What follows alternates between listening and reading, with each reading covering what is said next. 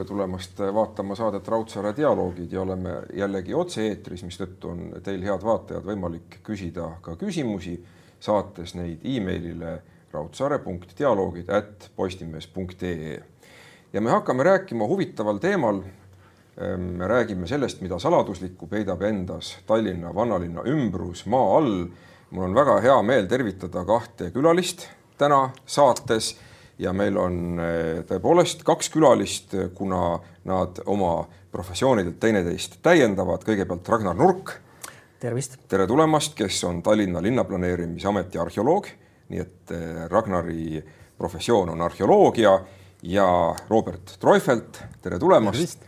võib öelda siis arhitektuuri ajaloolane, muinsuskaitsja ka muinsuskaitsega tegelenud ja ei saa ju ütlemata jätta natukene teie mõlema tausta ka pisut, kuna ma usun, et laiemate vaatajamasside jaoks ei ole te kõige tuntumad, aga see ei tähenda, et meie teema ei oleks praegu sugugi huvitav, vähem huvitav, vähem põnev. et eh, Robert, teie olete õppinud ju ka kunstiajalugu Helsingi ja. ülikoolis. jah, küll mitte väga pikka aega, aga. no aga siiski, no aga siiski ja Ragnari puhul ma tõstaksin esile seda, et eelmisel aastal üldse mitte palju aega tagasi sai ta eh, muinsuskaitselt eh, preemia, noore muinsuskaitsja preemia, mis siis eh, on aastapreemia, väga tähtis preemia, mida muinsuskaitse annab, see on selle hukkunud muinsuskaitsejuhi Trummali nimelise, nimeline preemia. just, Agne Trummali nimeline Agne preemia. Trummali nimeline preemia. mille eest nad selle preemia andsid toona, ma ei jõudnud seda kontrollida no ma arvan, et eks ikka selle töö eest, mida ma olen siin linnaarheoloogina viimased viis aastat Tallinnas teinud, üritanud ainsa selle ala ametnikuna linnavalitsuses seda pärandit meie selle suure kinnisvara arenduse nagu buumi taustal kaitsta ja, ja tagada, et see saaks väärikalt uuritud ja eksponeeritud.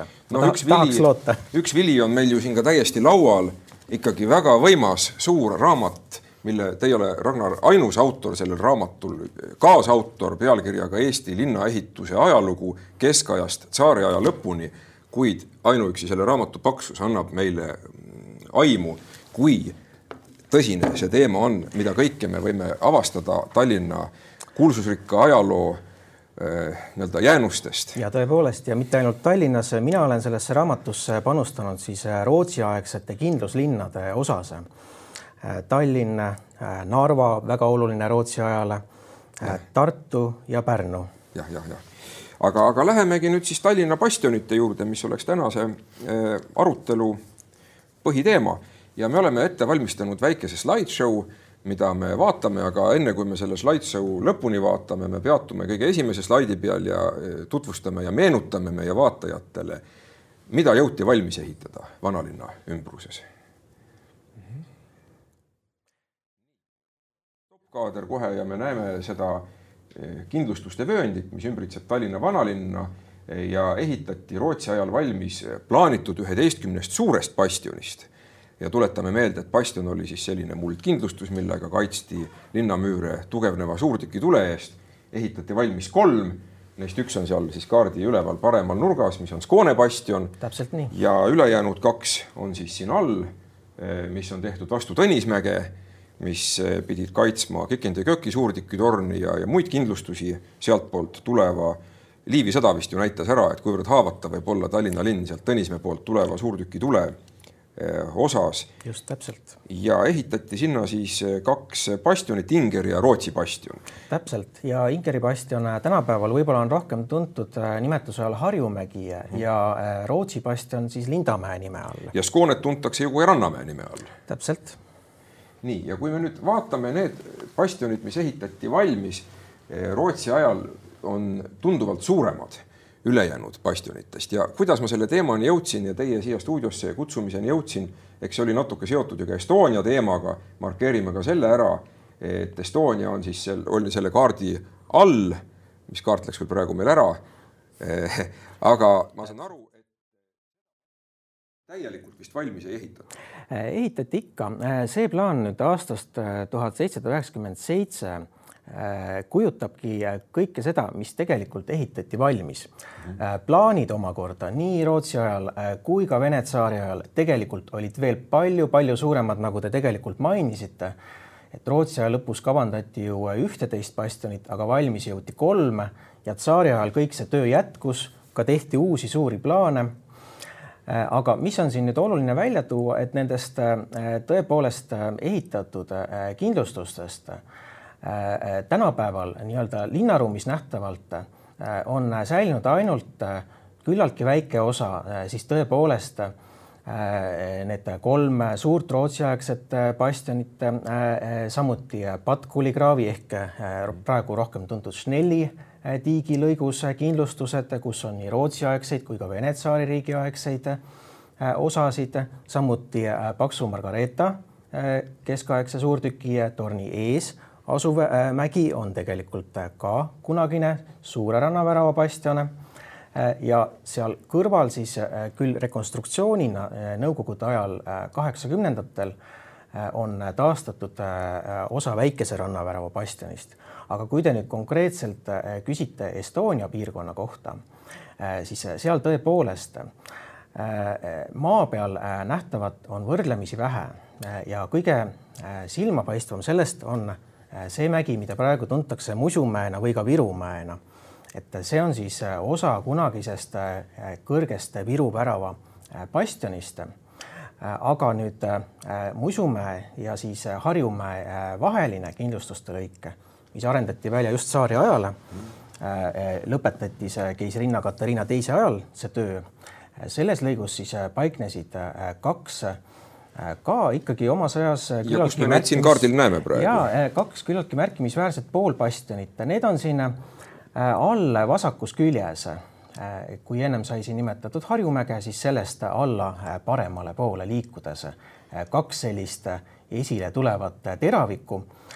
Nendest see vasakpoolne teravik jääb umbes praeguse Jaani kiriku Pärnu maantee kohale ja võib-olla mõningad aastad tagasi äkki vaatajad mäletavad, et Inglise kolledži spordihoone ehitusel mõningad müürid siis sellest siin vasakul pool paistvast äh, ehitisest, siis poolbastionist äh, tulid välja. aga nüüd, mille üle on tekkinud äh, see suur arutelu, noh, loomulikult poolbastioni olemasolu on ainult üks aspekt, on siis see paremal pool paistev pisut väiksem poolbastion et see paikneb nüüd tervikuna uue turu platsi all Tammsaare pargis Estonia teatri ja Äh, Draamateatri vahelisel alal ja just nimelt äh, tervikuna. Äh, et kahjuks küll ei saa siin praegu väga näidata, aga, aga selle, selle poolbastioni tipp ulatubki täpselt vastu Estonia teatrit. tema maapealne osa on tõepoolest selle Uue Turu platsi rajamisel või vahetult enne seda tasandatud, täidetud tagasi vallikraavi, kust tegelikult ju kunagi vallikraavist Äh, see pinnas võetigi nende bastioni ehitamiseks aga maa-alune osa see-eest on, on, on praktiliselt täielikult säilinud. ja see iseloomustab kogu seda suurepärast ja võimast Tallinna kindlusvööndit, et maa all on palju säilinud, sellest me kohe saame rääkida, aga vaatame lõpuni selle slideshow.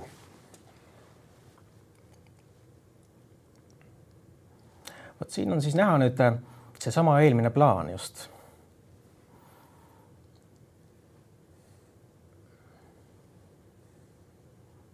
siin Toompargis asuvad kindlustused, mis said just eelmisel aastal korrastatud.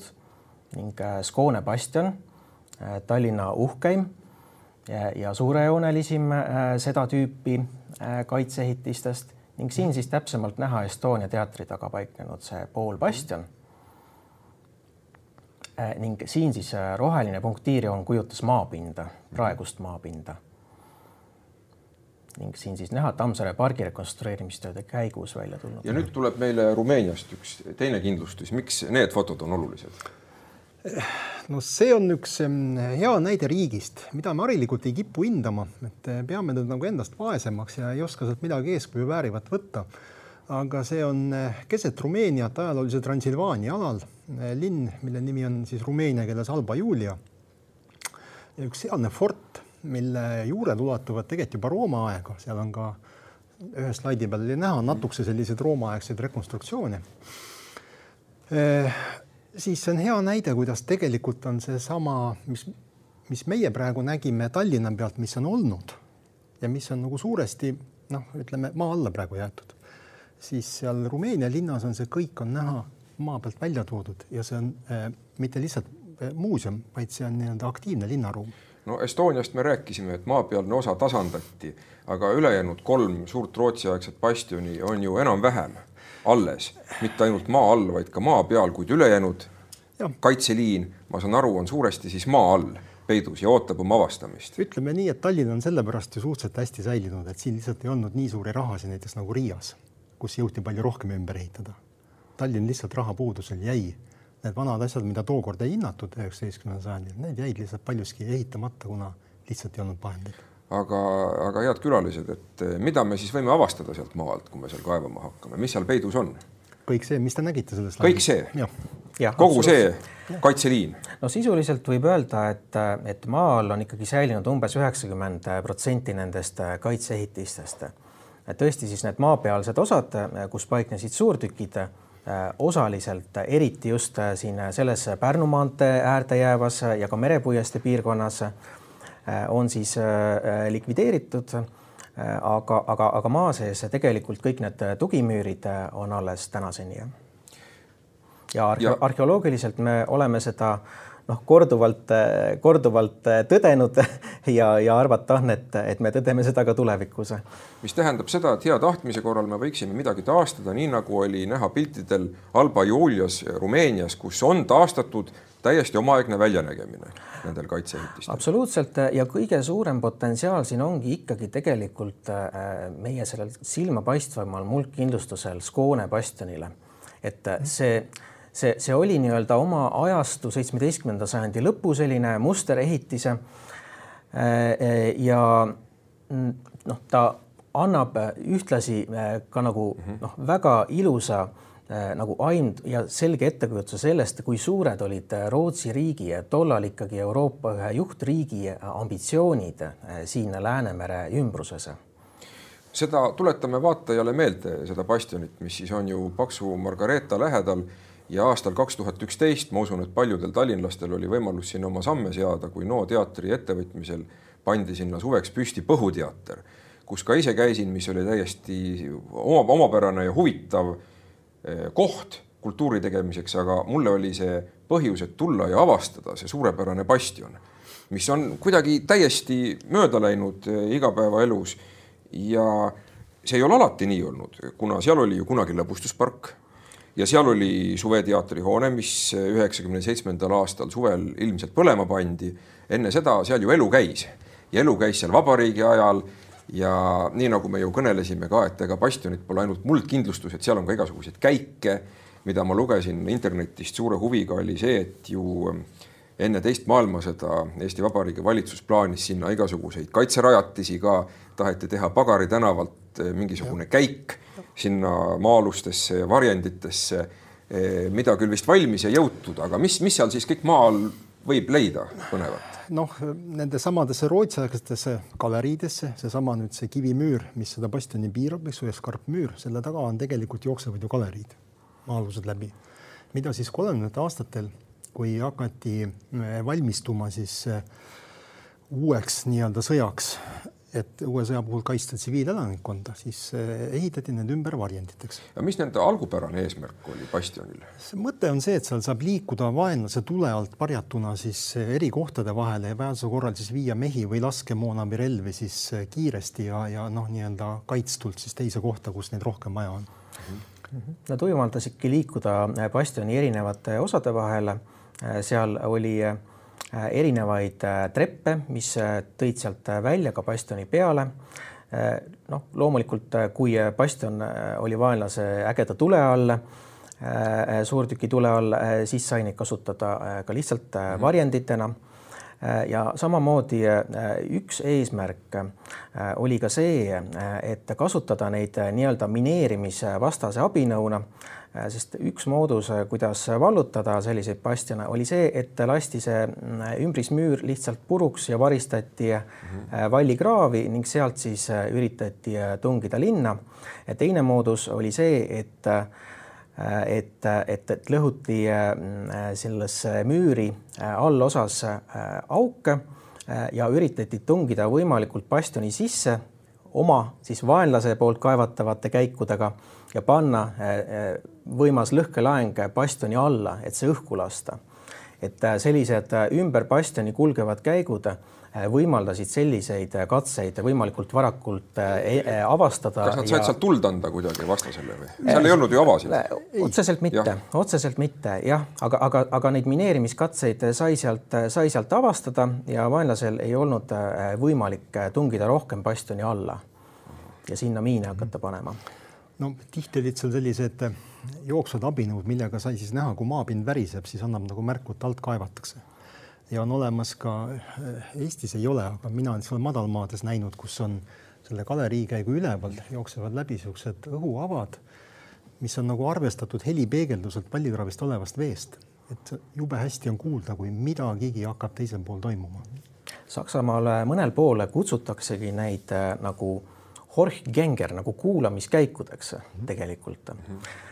Aga äh, mis nüüd puutub Äh, muudesse sellistesse kivikonstruktsioonidesse, mis seal bastionite sees leiduvad, äh, siis see tegelikult ju väga hästi äh, Vabadussõja võidusamba rajamise käigus oli näha, et lisaks sellele võimsale välismüürile ehk siis on... Harjumäe Lingeri bastioni ja, ääres need tööd toimusid. ja just, et lisaks sellele ka bastionide peal on siis väiksemaid selliseid kivimüüre, mis toetasid neid kaitserinnatisi, mis siis omakorda varjasid suurtükke ja nende meeskondi Äh, ja samuti suurtükkide alusplatvormidel olid müürid, mida just seal äh, võidusamba juures äh, noh, tuli ka paraku osaliselt sellele ehitusele ohvriks tuua, kuna eelandmed ei olnud, olnud piisavad. aga üht-teist on ka eksponeeritud seal? üht-teist veidi on jah, jah, aga samasugused olid ja on ka täiesti olemas Skåne bastionile.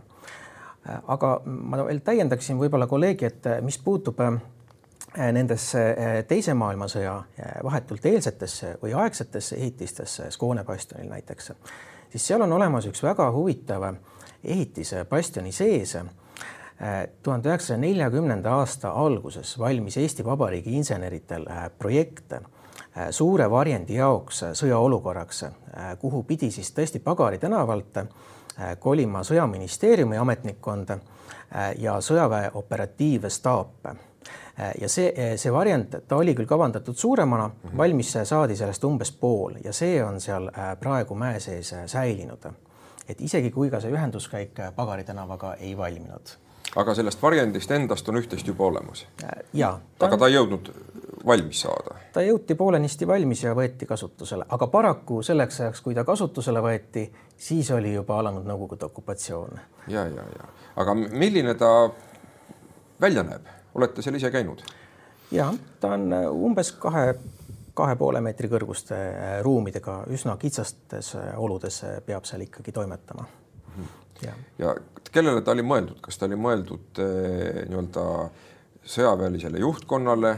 noh, tegelikult oli, kui hakati ehitama seda varjendiprogrammi järgi ehitisi, siis oli kavandati üsna suur hulk erinevaid varjendeid see konkreetselt oli tõesti mõeldud siis, et eh, Pagari tänav üks, kus praegu on siis nüüd, mida me tunneme KGB majana, praegu on kortermaja, siis oli tookord seal ju nii Kaitseministeerium kui ka siis sõjavägede peastaap. Ja nemad oleks siis maaluskäike pidi läinud sinna varjendisse. Aga väiksemaid oli muidugi üle linna kavandatud, võeti kasutusele ka needsamad eh, Harju ja Lindamäe käigud mm. -hmm ja kõige suurem projekt oli muidugi läbi Toompea tunneli kaevamine, millega jõuti ka uuringutega algust teha, aga siis Nõukogude okupatsiooni ajal, kus need projektid lõpetati ära.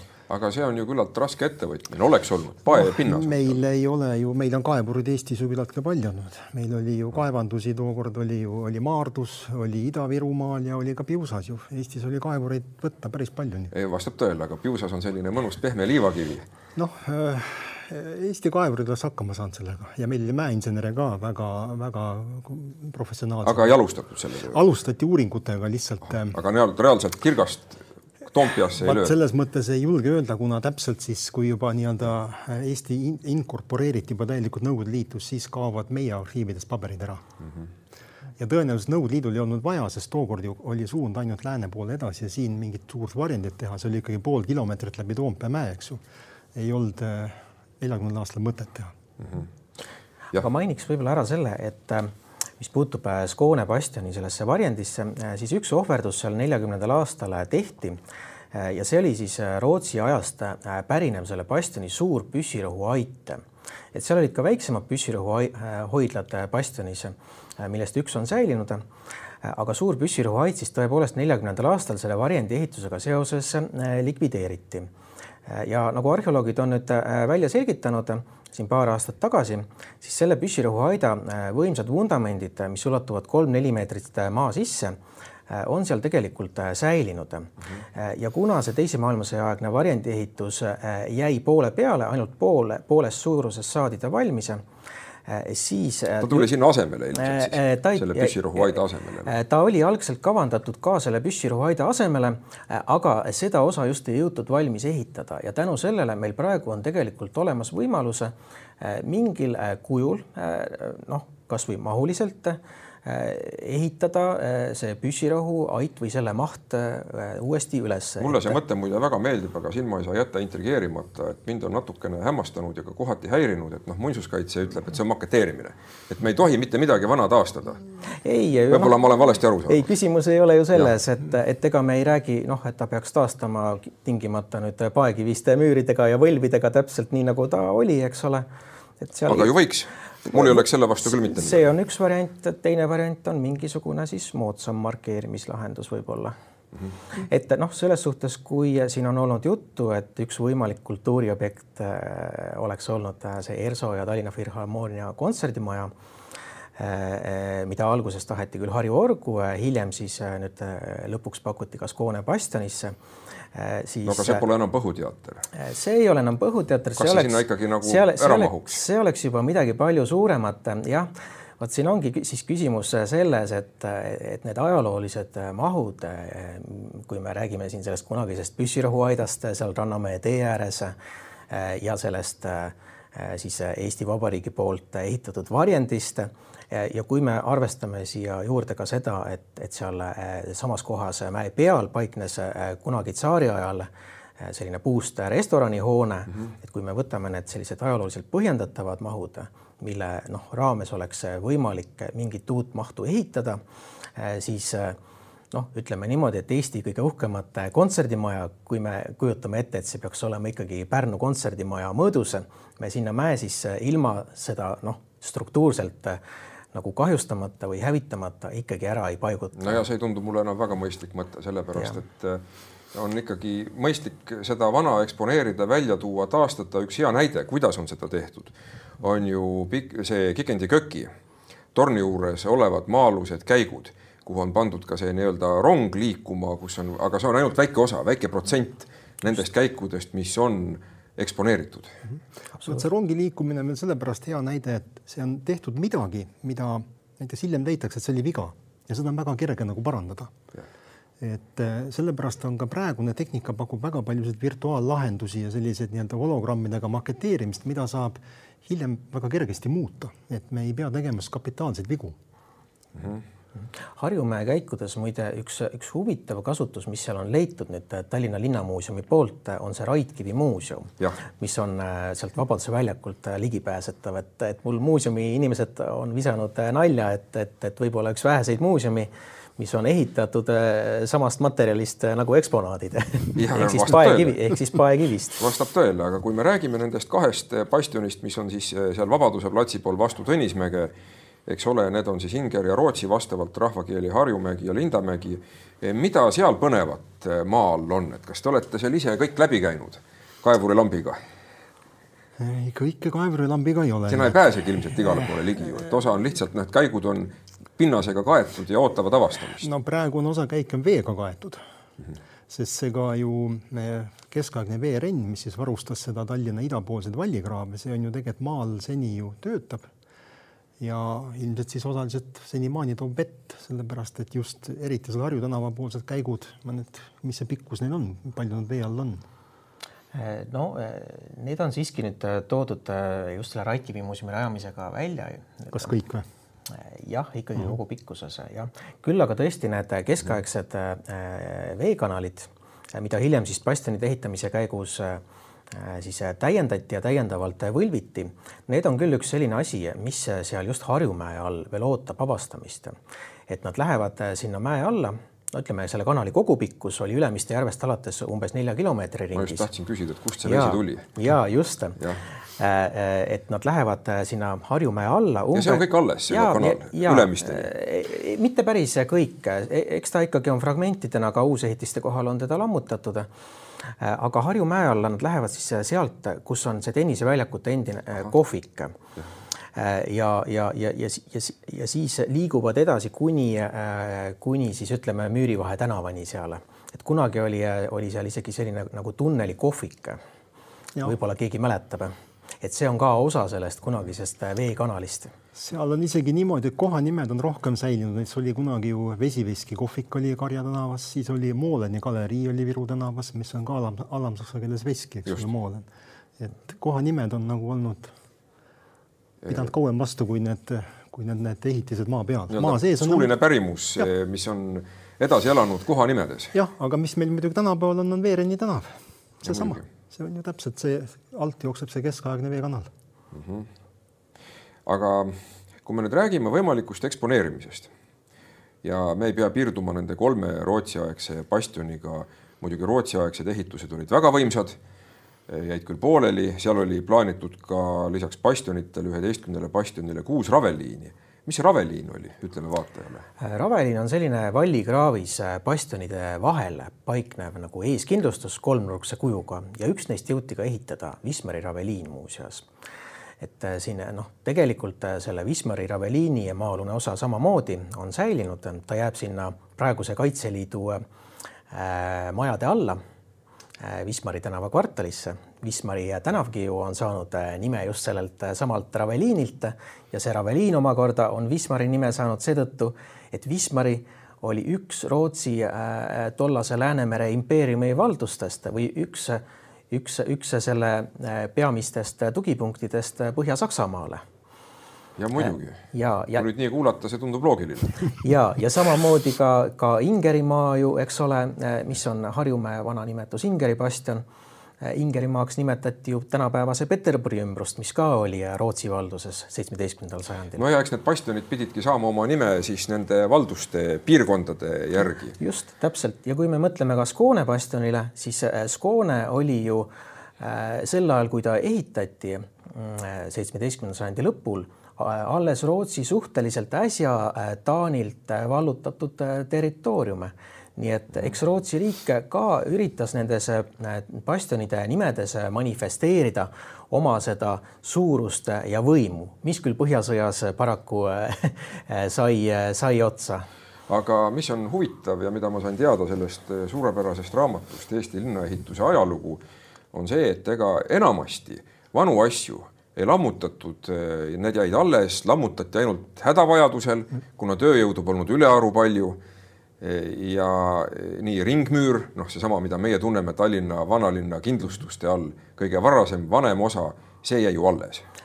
seda ju ei lõhutud absoluutselt ja see kehtib muuseas see, et väga säästlikult läheneti varem ehitatule see kehtib nii nende eh, kindlustusvööndite väljaehitamise kohta nii keskajal kui ka, kui ka sellel varasel uusajal, millest meie räägime, kuusteist kuni kaheksateist sajand kui see, kui ka kehtib see nende kindlustuste demilitariseerimise või likvideerimise Tsaari-Venemaa ajal. Tsaari-Venemaa ajal üheksateistkümnendal äh, sajandi teisel poolel pärast Krimmi sõda, siis kaotasid need kindlustused äh, lõplikult äh, oma sellise kaitseotstarbe. aga miks see nii oli, ikkagi suurtükid olid juba nii võimsad, tehnika oli arenenud?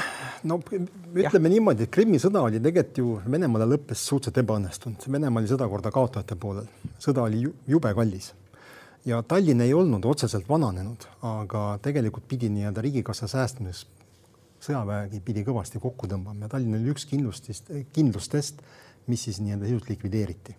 lihtsalt ei hoitud üleval enam? jah, ja siis hakati lihtsalt neid tasapisi andma, müüma äh, tsiviilkasutusse, aga näiteks ikkagi Sõjasadama lähedal oli alasid, millele anti tsiviilkasutuse klausliga, et vajaduse korral võidakse seal olev hoonestus likvideerida ilma kahjutasu maksmata, noh, sõja, uue sõja korral näiteks mm. -hmm. nii et äh, selles mõttes see tihti esinev legend, et Tallinna kindlustused olid vananenud Krimmi sõjaks, see ei ole päris õige. nii, aga tulen oma küsimuse juurde tagasi, et äh, me ei pea rääkima ainult Rootsi aegsetest kindlustustest, vaid me võime rääkida ka sellest, mis oli enne seda veel Liivisaja eelsed, kuna siis hakati ju ka tegema bastione otsapidi. küll ja. palju väiksemaid, aga siiski. jah, mitte veel küll otseselt noh, bastione.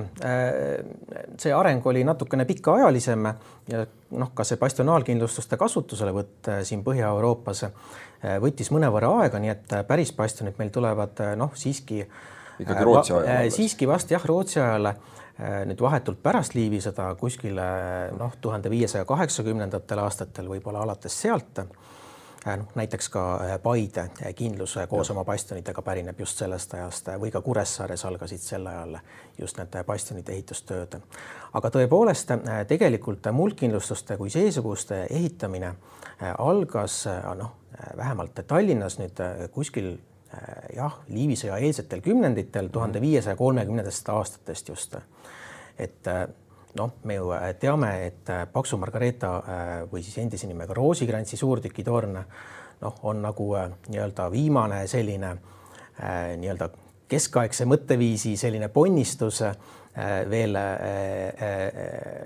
üritada seda linnakaitset tagada nende kiviehitistega. aga, aga siis tõepoolest kuskile kuueteistkümnenda sajandi noh, ütleme keskpaiku äh, noh, saadakse ikkagi lõplikult äh, aru, et, et, et, et see ei ole otstarbekas ja see ei õnnestu, et ikkagi pinnas, pinnasest kindlustused pakuvad tunduvalt paremat kaitset nii vaenlase suurtükitule eest kui ka võimaldavad tunduvalt vabamalt ja avaramalt paigutada kaitsjate oma relvastust. Me sellest natuke rääkisime, aga küsime üle, et see pinnas võeti sealt samast, seda ei toodud ju kusagilt kaugelt tehnika oli ju väga primitiivne, ehk siis eh, kaevati hunnikusse pinnas vallikraavidest bastioniteks, saan ma õigesti aru? üldjuhul küll jah, jah, teil on täiesti õigus selles suhtes, aga on mõningad erandid, näiteks Tallinnas just nimelt eh, need Tõnismäe vastas paiknevad muldkindlustused Harjumägi, Lindamägi Äh, nende jaoks tõesti toodi ekstra pinnast ka Tõnismäelt, kus siis äh, kaevati madalamaks Tõnismäge, väga kasulik, kaks ühes. kaks ühes, täpselt kaks ühes, kaevati Tõnismäge madalamaks, vaenlase potentsiaalset laskepositsiooni äh, kaevati alla ja enda oma tõsteti. Ja kui te praegu võrdlete kasvõi kõrgusmärke Harjumäel ja Lindamäel, siis te näetegi, et see ongi õnnestunud, et nende bastionide kõrgemad keskosad tõusevadki umbes kümmekond meetrit kõrgemale kui Tõnismägi aga looduslikult seal Harjumäe ja Lindamäe kohal mingeid selliseid künkaid ei olnud, et see kõik käis puhtalt, puhtalt hobuste. kolossaalne töö. hobu, hobuste linnaelanike sellise käsitsi töö äh, tulemusel jah. ja, ja kui me vaatame, et mõnda bastioni ehitati siin kümmekond aastat, siis tegelikult seal ikkagi kiiresti, kui mõelda ja. sellele primitiivsele tehnikale hobuvankrid, mida kasutati, aga muud ju mitte midagi polnud käsitöö, hobuvankrid, hobune oligi ainus abivahend. jah, nii see on, aga ma tahaks esile tõsta, et samas me ei saa öelda, et need bastionid või noh, bastion on ainult üks element tegelikult noh, võrreldav keskaegse torniga näiteks täidab umbes sarnast nagu tulepunkti funktsiooni. Et, et samas me ei saa öelda, et need bastionaalkindlustused oleksid nagu kuidagi oma planeeringu poolest primitiivsed, vaid see on ju tegelikult Itaaliast alguse saanud idee. Mm, -hmm. Itaalia renessansi rüpest võrsunud selline idee rajada äh, puhtal geomeetrial põhinevaid kaitseehitisi ja see mõte oli seal just siis see, eks ole, et, et iga jalatäis maad Äh, mis sul jääb kindluse valli ette, peab olema äh, kaetav tulega naaberkindlustustelt ja just selline sirglõikudest koosnev mhm. polügonaalne kaitseehitis äh, seda võimaldas. ehk ei jää ühtegi niisugust, nagu öelda, pimedat nurka, kuhu mm. ei ole võimalik tuld anda. täpselt, täpselt nii jah, jah, ja ajapikku ainult seitsmeteistkümnenda sajandi jooksul need erinevad planeeringuvariandid ja projektlahendused aina noh muutusid keerulisemaks, bastionid ise muutusid suuremaks, kuni siis tõesti see apoteoos sisuliselt on sellised ehitised, nagu me näeme Skoone bastioni näol, kus tõepoolest bastioni välisperimeetri pikkus on juba neli ja poolsada meetrit, kus kulgeb oh., kulgeb see müür koos nende käikudega, eraldi püssirõhu aidad, tunnelid ligipääsudeks ja nii edasi et noh, selles suhtes ja mit, rääkimata sellest, et need ehitised on veel mitmetasandilised, kus sa saad suurtükke paigutada nagu trepilaadselt üksteise taha. Skoone bastioni puhul näiteks kahele kuni kolmele tasandile mm. -hmm. nii et idee poolest need bastionid võisid Rootsi aja lõpus mahutada noh, sadakond suurtükki tegelikult, mis ei tähenda, et kunagi tegelikult oleks nii palju olnud loomulikult mm. -hmm. aga potentsiaal oli neil selles suhtes võimas ja, ja, ja noh, veel kord ta näitab noh, neid ambitsioone. Ja, ja tõesti Vene tsaaririigil ei olnud ambitsioonid väiksemad. Kui me nüüd kujutame ette kogu seda kindlustiste vööndit, nii Rootsi-aegset kui hilisemat ja ka varasemat mm, ja mõtleme, et mida siit võiks taastada või eksponeerida, ilmselgelt me ei hakka ju taastama kõike, see ei ole võimalik, sest siis peaks Tallinna ära lõikama vanalinna kogu ümbritsevast elukeskkonnast. Noh, tänapäeva liikluse mõistes, aga, aga kui siin nüüd midagi taastama hakata, mis mulle väga meeldiks mõttena, kuna see on ju see, mis tooks meile turiste, kui nad ühel hetkel jälle liikuma hakkavad ja küll nad hakkavad. et mis see võiks olla? noh, eesmärk peaks ikkagi olema nii-öelda selle rohelise ringi taastamine, sellepärast et ringi liikumine on noh, maailma linnades on see praktika näidanud. Kui sa saad ringi liikuda eri tasanditel, et seal kas sealsamas, mis meil oli Rumeenia näide, aga neid näiteid on Euroopast ja maailmast veelgi. sa saad liikuda siis kindlustustel põhitasanditel või siis ka nendel kõige ülemistel tasanditel. aga eeldus on see, et sa saaks teha ringi noh, muidugi ta on üsna ümber raske. terve ikkagi linna ja, siis? jah. või ühe, ümber ühe bastioni? ei, üle ümber, kõik on, neid saab kombineerida erinevalt, saab ümber, ümber ühe bastioni seestpoolt, pealt ja nii-öelda alt ka Vallikraavist. Vallikraavist ja päris eemalt, eks ju. aga, aga noh, selge, see peaks olema nii-öelda suur eesmärk, taastada roheline ring. Ja vot siis nüüd väikeste juppide kaupa saaks hakata sinnapoole minema. Kas nüüd võtta esimesena Estonia või Skåne või veel mingi kolmas jupp, eks ju, mis meil siin on noh, näiteks sama selle väikse rannavärava ümbrus on olnud ka kinnisvaraarenduse surve all. Mm -hmm. või näiteks seesamas Koone bastionis Balti jaamani, kus praegu on busside parkla, ka seal on olnud plaane nii-öelda noh, ta ehitada täis uusi hooneid, eks ju, praegu seal on ka maa peal on bussiparkla, aga õnneks maa sees on ju kõik see järgi, mis seal on.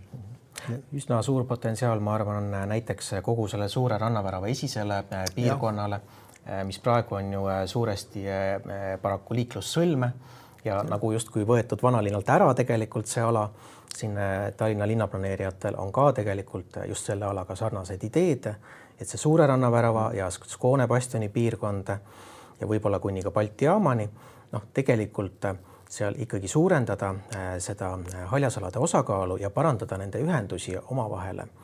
sest noh, praegu, kui me vaatame, siis see tõepoolest kunagise Eesti Vabariigi ajal kolmekümnendate alguses rajatud Rannamäe tee, ta ikkagi äh, lõikab. Äh, see lõigati ju läbi bastioni, kaevati läbi bastioni. ta jah, ikkagi lõikab äh, suure tüki vanalinna küljest ära. seepärast see bastion ongi, me Skoone bastionist räägime, niisugune kuidagi perifeerne ja eraldiseisev, et kui sa vanalinnas käid, kui sa jala lähed, sa ei satu sinna. kui sa lähed linnamüürist läbi, sa satud ühe tiheda liiklusega magistraali äärde, kust nii lihtne pole üle minna ja mis sa sinna lähedki, et sealt ei ole nagu kuhugi edasi minna, aga tegelikult see on ju orgaaniline vanalinna osa, see Skoone bastion. täiesti nõus jah, et seal võtmeküsimus on ilmselt äh, ikkagi liikluslahendus, liikluse ümbersuunamine äh, pigem siis äh, ikkagi ümber bastioni siis juba Põhjapuiestee sealt trassilt. see projekt, mis Eesti ajagu tehti, see oli meil majanduskriisi lõpuaegadel, nii et see oli üks võimalus kasutada ärabitöid ja idee oli praegu see, et ühendada raudteejaam otsesadamaga. Tegelikult saadi suhteliselt varsti aru, et see idee ei tööta, see oli suhteliselt lühiajaline, noh ja tegelikult nagu läbi analüüsimata tänapäevases mõistes, et mida see kaasa oleks toonud. tähendab, raudtee taheti sinna ei, panna? Eh, eh, pearaudtee läks sealt nagunii mööda, bastionist mööda, aga et otse saaks nagu auto ja jalakäijate ühendus sadama ja raudtee vahel oleks mm -hmm. olemas, sest seni tuli ka nagu ümber bastionit ja põhjapuiesteed pidi minna mm. -hmm aga juba suhteliselt varsti saadi aru, et see tegelikult on noh, lihtsalt üks suhteliselt uitmõte, mis on kiiresti teostatud, ilma et selle tagajärgedele oleks mõeldud ja ta nagu päris ühendusteena ei ole kunagi õieti toimima hakanud. ja muuseas, tegelikult äh, see Rannamäe äh, tee juba tol ajal, kui vaadata tollase muinsuskaitse dokumente, tollal muinsuskaitset korraldas Haridusministeerium, selle siis teaduse ja kunsti osakond konkreetsemalt siis Riigiarhiivi dokumente vaadates selgub, et selle ehitustööga tegelikult alustati ilma muinsuskaitsega kooskõlastamata, sest juba tol ajal, juba enne teist maailmasõda Skoone bastion oli tegelikult omaette mälestisena riigikaitse all, et juba tol ajal tegelikult osati seda väärtustada. ja selle Rannamäe, see põhjustas suurt pahandust eri ametkondade vahel, et selle tööga niimoodi alustati ilma kooskõlastamata Äh, ja mis on Rannamäe tee puhul veel nagu märkida, et, et tollane liiklussagedus ei olnud ju üldsegi võrreldav äh, ka selle praegusega. et, äh, et, et noh, tegelikult ajas see probleem tegelikult on ainult nagu kumuleerunud. Et, et võib-olla isegi tollal see vanalinnast äralükkamine nii palju ei olnud tunnetatav, aga praeguste liiklussageduste juures äh, ma arvan, et, et siin ei ole õige lähenemine et me, et me seda, et me seda kunagist viga säilitaksime või, või, või veel, või veel võimendaksime, et tooksime sinna veel autosid juurde. aga nüüd selline küsimus, et kui me mõtleme maailma kogemuse peale, siis eh, mida me saaksime teha, mõeldes turistidele? Ja võib-olla mõeldes ka iseenda elukeskkonna väärtustamisele, lõppude lõpuks meie ju elame siin kogu aeg. Ja, ja see, mis on tore turistidele vaadata, võib olla ju tore ka meile vaadata jah, see kõigepealt see maailma hea kogemus ongi see, et seda kahte asja ei peaks vastandama üldse. et eh, kui tahetakse luua ainult turistidele keskkonda, siis paratamatult tekib mingi Disneyland hiljem, nii et et sellega peab algusest saadik arvestama, et ta oleks kõigile hea, ta oleks nii-öelda polüfunktsionaalne, et seal ei tekiks niisuguseid monofunktsionaalseid tsooni, eks ju. mis probleem on ju Tallinna vanalinnas, ütleme siin enne turismi ajastul oli, et äh, koondus rohkem sinna Raekoja platsi Viru tänavale ja osa vanalinna jäi nagu tühjaks mm. -hmm et siin ja... üks mõte võib-olla võikski olla ka tõesti see, et viia seda turistide liikumist ka natukene laiemale äh, kui, kui tõesti see, see, see keskaegne äh, vanalinna hoonestatud osa siis, eks ole. ja samal ajal võiks see parkide vöönd olla noh, ka selliseks äh, Äh, noh, nii-öelda virgestusalaks äh, tegelikult äh, noh, nii vanalinna seni sinna jäänud elanikele kui ka, kui ka, kui ka vanalinna ümbruse piirkondade elanikele, sest ega meil ju noh, nende roheliste alade või parkidega siin kesklinnas noh, nii väga nüüd kiidelda ei ole, et, et pigem tuleks võtta kasutusele need ressursid, mis meil praegu on Eh, noh, ja siis omakorda need, nendes rohealades saaks eksponeerida seda kunagist kindlusarhitektuuri, mis jällegi pakub turistidele huvi, eks ole. kui palju tuleks uuesti üles ehitada? ma arvan, et seda alguses ei peakski sellist eesmärki omale määrama, sellepärast et see sõltub konkreetsete juppide käigus. et eh, päris sellist tuhande seitsmesaja üheksakümne seitsmenda aasta plaani taastamist ei seagi endale keegi tänapäeval eesmärgiks. ja sellise nii-öelda reljeefse maastiku, kus on, saab mitmel tasandil liikuda, mis omavahel ristuvad, põimuvad, kus eh, tekib selliseid virgestusalasid kõikidele, ütleme, eh, vanuserühmadele ja, ja, ja kõikidele ka sotsiaalsetele rühmadele, et see on ju ainult, mis lisaks on ka veel toimiv nende linnakopsudena. noh, see on juba eesmärk missugune. Mhm. -huh. ma võib-olla siin head näitet kui nüüd just päris selline nii-öelda roheline ring, siis meie naabermaa Läti, mitte nüüd pealinn Riia, aga suuruselt teine linn Daugavpils, kus, kus eestlased väga harva käivad. aga seal on küll pisut uuem, mitte keskaegne, aga üheksa, noh, kaheksateistkümnenda, üheksateistkümnenda sajandi vahetuselt väga võimas niisugune mitte nagu elamislinn kindlustatud, nagu on Tallinn, vaid vastupidi, ehitatud sõjaväelinnak mis on tegelikult oma pindalalt on noh, väga jämedalt öeldes kolmveerand Tallinna vanalinn, aga selle nii-öelda vallikraavi ümbermõõdult on umbes võrdne Tallinnaga ja ometi elanikke on seal no üle viie korra vähem. ja Dagovpils on võtnud selle taastamise omale nii-öelda südamise asjaks ja on arvustatud lihtsalt väga väikestest ühtedest juppidest, ühe nii-öelda kurdiini värava taastamisest, ühe mingisugune vana pumbajaama tegemisest infokeskuseks, vana arsenali tegemisest kaasaegse kunstikeskuseks neil on tohutu töö ootab ees. ja seda enam, et noh, siin on natuke, kui vaadata Euroopa Liidu poolt, siis asub ikka täiesti nii-öelda ikkagi päris Euroopa Liidu pärapõrgus, nii et kust edasi ei pääse. et eh, neil on probleem, et turiste sinna vedada, aga see ei ole neid nagu heidutanud, neil on pikk plaan teha kunagi kogu see ring korda ja nad hakkavadki väikeste juppide kaupa minema ja sinna turiste meelitama see on seesama, see kaasaegse kunstikeskus, Taugavpilsis on see nimetatud ka moodsa kunstniku Mark Rotko järgi, kes on mhm. pärit sealt linnast. see on nagu analoog meil Kuressaares, kus meil on arhitekt Louis Kahn on sealt pärit, ta ei ole seotud, aga tema nimega saab seda asja müüa, täpselt nii tehakse ka Taugavpilsis. et leida erinevatest elualadelt siis näiteid, mis kombineeritakse kokku suurema eesmärgi nimel. Et eh, nagu ma ütlesin, meil tihti tasub pöörata pilk oma naabrite poole, mitte hoida nina väga taevas. me saaksime sedasama teha ka Tallinnas. täpselt. meil ja. on kergem, sest meil on majanduslikult on see palju kergem kui Daugavpilsis seda teha näiteks.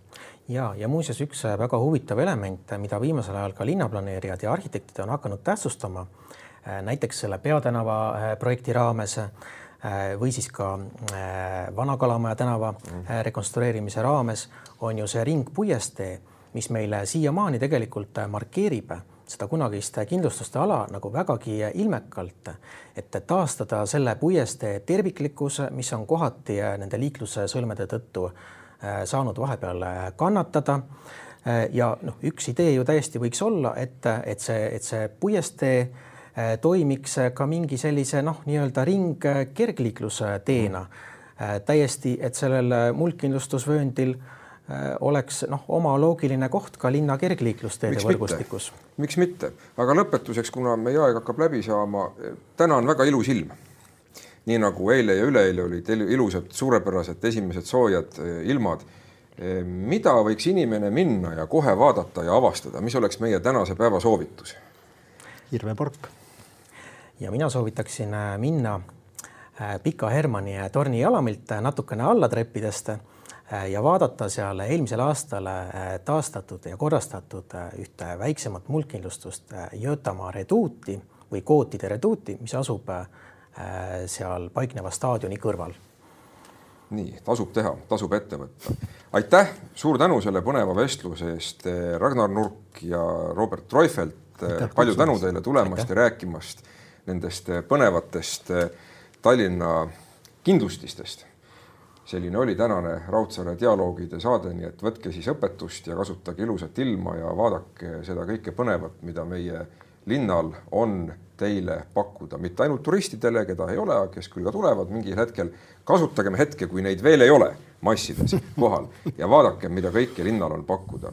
selline olid meie tänased minutid järgmisel nädalal ehk jälle kõike paremat seniks, püsige terved